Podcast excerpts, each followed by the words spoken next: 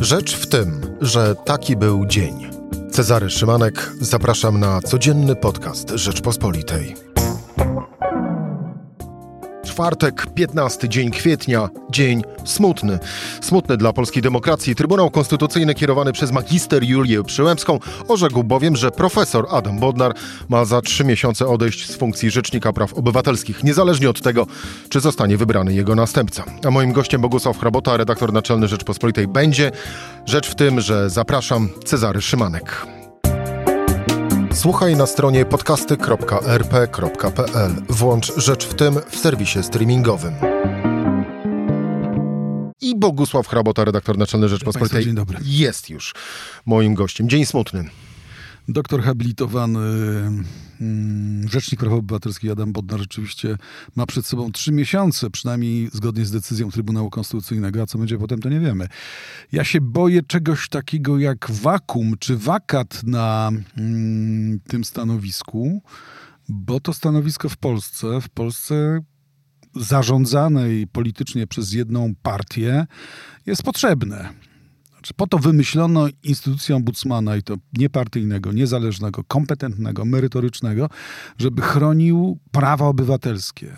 Znaczy, przed kim? No, no, przed wszystkim, co im zagraża, a w sytuacji, kiedy mamy aspirującą do pewnej arbitralności, czy, czy wręcz autokratyzmu władzę mm, partyjną, no to jest przed kim bronić.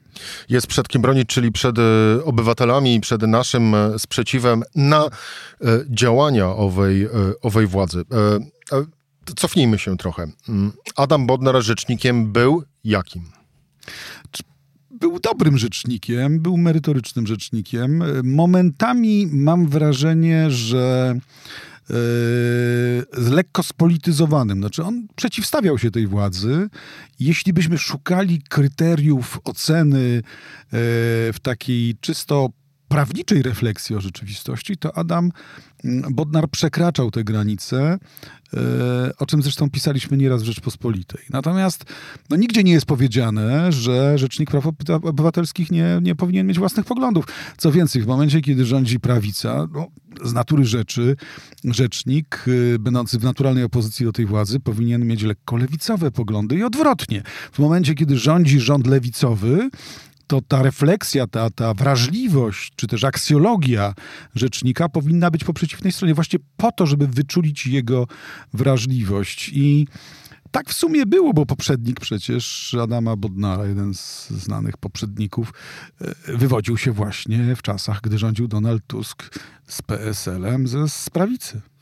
O dotychczasowym... Januszu Kochanowskim oczywiście. E, o kadencji Adama Bodnara niech chociażby właśnie e, świadczy to, że e, jako najbardziej chyba nielubiany w tej chwili urzędnik państwowy, no to było właśnie miarą jakości Rzecznika Praw Obywatelskich, bo im Rzecznik Praw Obywatelskich bardziej nielubiany przez władzę, tym lepiej. Myślę, że nie. To znaczy na pewno kwestia emocji wobec y, rzecznika, czy, czy, czy, czy, tego, kto ma kontrolować władzę, jest ważna, ale ważniejsze są te statystyki. I te statystyki w wypadku y, Adama Bodnara nie są złe. Znaczy liczba interwencji i to skutecznych interwencji jest spora.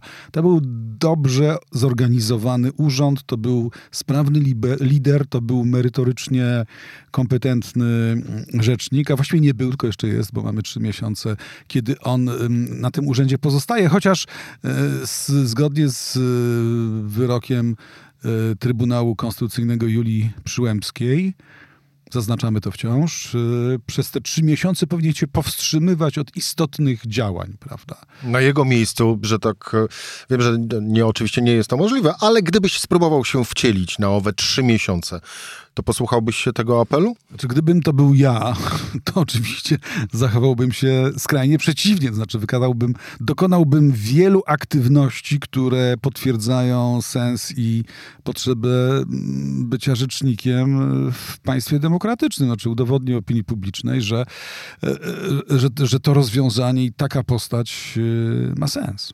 Liczymy więc na to, że Adam Bodnar również nie, nie posłucha tego właściwie apelu, no bo to nie jest zawarte w owym w owym y, orzeczeniu. E, w tle tego wszystkiego y, jest y, Trybunał Konstytucyjny, a właściwie dwie osoby w owym Trybunale Konstytucyjnym, czyli magister Julia Przyłębska i były prokurator Stanisław Piotrowicz. Zacznijmy od... Wydaje się, że też magister.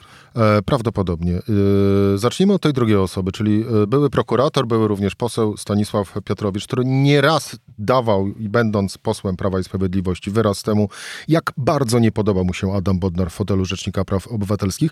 Patrząc jednak na ten obrazek z Trybunału Konstytucyjnego, gdy to Stanisław Piotrowicz wpierw przesłuchiwał Adama Bodnara, później odczytywał uzasadnienie orzeczenia Trybunału Konstytucyjnego, no to jakie emocje?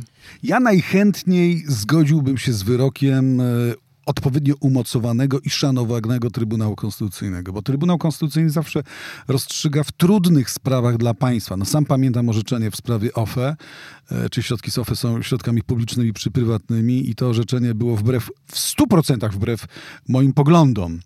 E, co więcej, doprowadziły do doprowadziło do poważnego kryzysu, moim zdaniem, w Polsce. No ale mniejsza to są zawsze trudne orzeczenia, to jest zawsze emocjonalny stosunek do nich, ale to do tej pory było poszanowanie jednak y, w większości przypadków y, tych najtrudniejszych orzeczeń Trybunału. Teraz, kiedy twarzami tego Trybunału, a tak naprawdę tego orzeczenia, są y, pani Julia Przyłębska i pan Stanisław Piotrowicz, to to kwantyfikuje nieufność do tego orzeczenia to jest trochę tak, że oni plakatyzują polityczność tej decyzji, a tego nie powinno być. Właśnie w celu tego, iżby nie było poważnego podziału w recepcji tego wyroku. Znaczy- Państwo poprzez Trybunał orzekło. Obywatele winni się temu podporządkować. Natomiast tutaj dokonano zabiegu, który stygmatyzuje to orzeczenie, upartyjnia i w tym sensie rzeczywiście Polacy w znacznej mierze mogą je kontestować. Przeszłość Stanisława Piotrowicza ma w tym znaczenie? Należę do tych ludzi, którzy raczej nie grzebią w przeszłości. Nie, nie mówię o nim na co dzień jako byłym prokuratorze z czasów PRL-u. Przypomnę, że świętej pamięci Zbigniew Wasserman też był e, prokuratorem e, e, w stanie wojennym i w czasie w latach 80., co nie zmienia faktu, że był szlachetnym, porządnym człowiekiem i y, zasłużonym dla państwa polskiego po 89 roku. W związku z tym to, że ktoś kiedyś y, pełnił tego typu role, to w moim zdaniu go nie, nie przekreśla. E, natomiast raczej e, patrzę na Stanisława Piotrowicza jako na człowieka, który jest takim, takim e, symbolem, symbolicznym prawnikiem dobrej zmiany. On sam się wcielił w tą rolę. On był jednym z, jedną z twarzy nieudanej, moim zdaniem, reformy sądownictwa w Polsce nie powinien chyba trafić e, do Trybunału Konstytucyjnego, bo to jest miejsce jednak dla wybitnych autorytetów prawniczych. No i cóż, trafił. A teraz na dodatek e, jest twarzą orzeczenia, które nie jest zbytnio popularne. No, gdybym, gdybym był na miejscu pani Julii Przyłębskiej, chwalić Boga nie jestem, to szukałbym innego e, rzecznika tego wyroku od Stanisława Piotrowicza. Adam Bodnar po ogłoszeniu orzeczenia Trybunału Konstytucyjnego e, powiedział, że e, zamach konstytucyjny mieliśmy już w 2016 roku, gdy władza polityczna w sposób niezgodny z prawem podporządkowała sobie te instytucje. Wtedy rozpoczął się kryzys. Od tego czasu wszyscy staramy się poruszać w jakiejś przestrzeni, w której próbujemy ratować resztki państwowości. Potem później pojawiły się również takie komentarze o tym, że to orzeczenie domknęło system, domknęło system niszczenia owej praworządności i państwowości. No to jest oczywiście przesada, ja się z tym nie zgadzam. Po pierwsze się nie zgadzam z tym, że, że początek to był 2016 rok. Początek był wcześniej, to była fatalna decyzja Platformy Obywatelskiej i PSL-u, czyli rządzącej wówczas większości o powołaniu, o próbie powołania e, przed czasem dwóch sędziów do Trybunału Konstytucyjnego. To się nie powiodło. PiS tylko kontynuował tą złą tradycję i dokończył dzieła dewastacji Trybunału Konstytucyjnego. To nie jest już Trybunał Konstytucyjny taki jak 10 lat temu, co do którego nie mieliśmy wątpliwości, że ma pełne, pełną legitymację do orzekania w sprawach konstytucyjnych. Także to jest jedna rzecz. A druga rzecz, czy, czy, czy to jest ostateczna dewastacja państwa demokratycznego? Oczywiście nie, dlatego że po pierwsze mamy w Polsce wolne media, dzięki nim możemy tutaj rozmawiać i komentować tą mm, sytuację bez zewnętrznych nacisków. Po które mamy sądownictwo, które jest w stanie zablokować szereg różnych rzeczy. No, zawsze mówiłem, no nie ma możliwości nawet y, przy, przy najgorszej wierze mocodawców politycznych dokonać e, zmian w sumieniach tysięcy sędziów. Ostatnia decyzja na przykład o e, zakwestionowaniu decyzji Łokików w sprawie Polska Press przez sąd dowodzi, że mamy wciąż niezależne, niezawisłe sądownictwo. W związku z tym e, to jest wciąż element konstytuujący demokrację, podobnie jak wolne media. Mamy na dodatek zróżnicowany system parlamentarny, bo o ile przewagę e, koalicja ma w Sejmie, chociaż też wątpliwą, to już nie ma w Senacie, czyli Senat nie jest kontrolowany przez tą jedną, jedyną partię.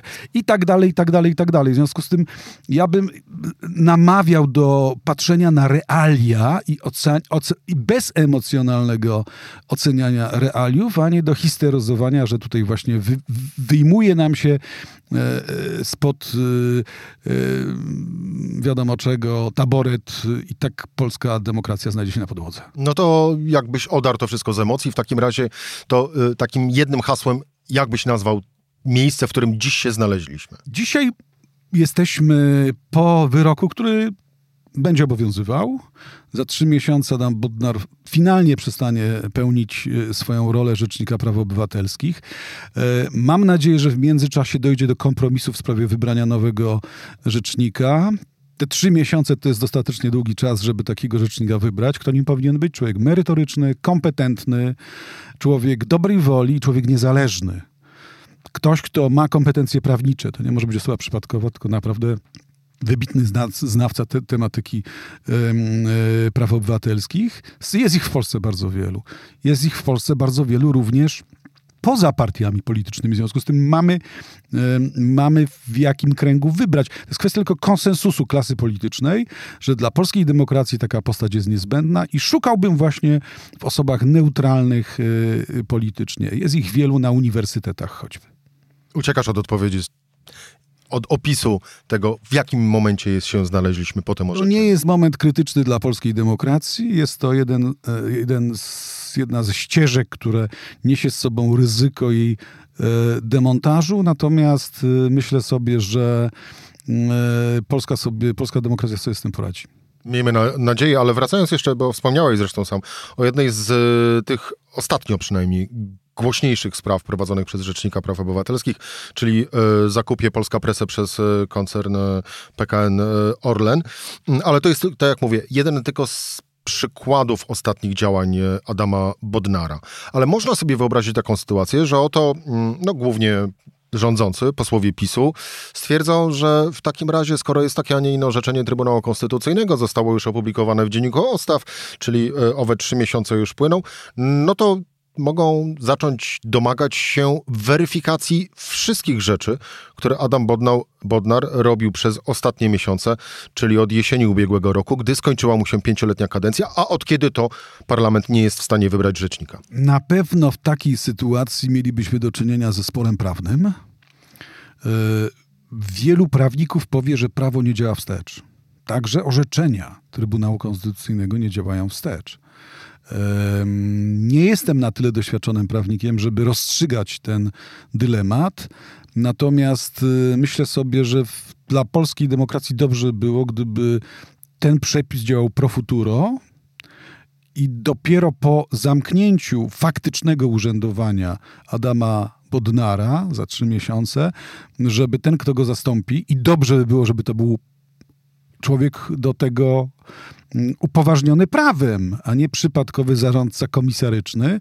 Dopiero on wtedy będzie mógł działać pro futuro, czyli podejmować decyzje we własnym imieniu na przyszłość. No właśnie, bo tak naprawdę ja tak oczami wyobraźni jednak raczej jakoś gdzieś widzę e, posłów Prawa i Sprawiedliwości, którzy będą co chwilę wychodzić. Bez wątpienia tacy będą, natomiast e, w takich sytuacjach to nie poseł e, jakkolwiek motywowany rozstrzyga, tylko raczej prawo tak jak owymi oczami wyobraźni nie widzę tego kompromisu, o którym ty mówiłeś, e, pomiędzy, no to trzeba jasno powiedzieć pomiędzy rządzącymi a opozycją. wierzyć, wiara jak wiadomo przenosi góry, a pamiętajmy, że w Polsce sytuacja polityczna nie jest jednoznaczna. To wcale nie jest tak, że mm, Prawo i Sprawiedliwość dzisiaj dysponuje pełną mocą sprawczą w Sejmie, w Senacie i e, na poziomie Urzędu Prezydenta. Ścieżki legislacyjne ostatnio są mm, e, raczej kręte niż proste. Wiele przepisów nie udaje się przefować.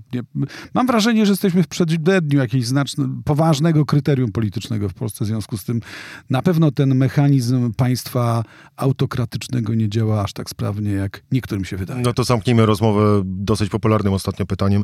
Przedterminowe wybory? Mówię o nich od zeszłego roku.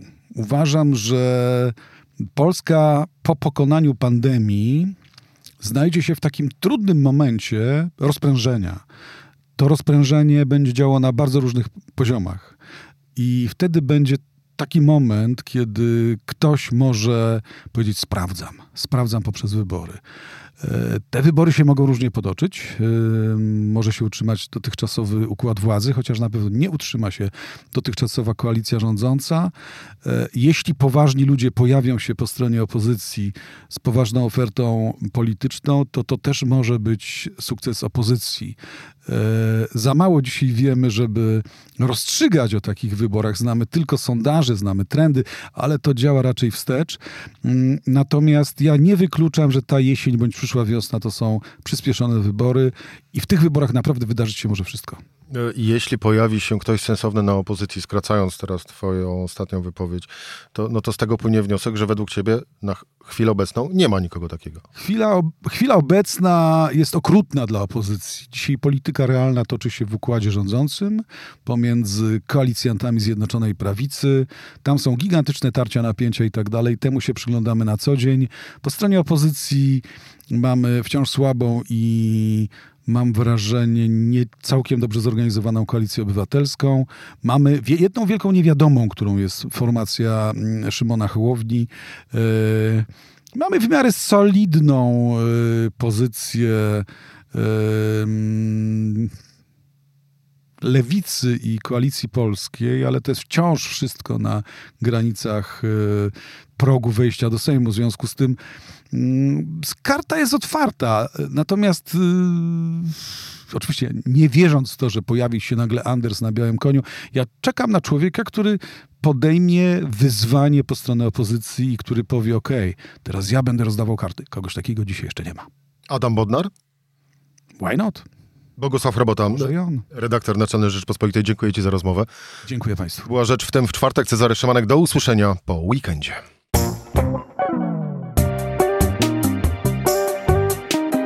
Rzecz w tym to codzienny program Rzeczpospolitej. Od poniedziałku do czwartku o godzinie 17. Słuchaj na stronie podcasty.rp.pl. Włącz Rzecz w tym w serwisie streamingowym.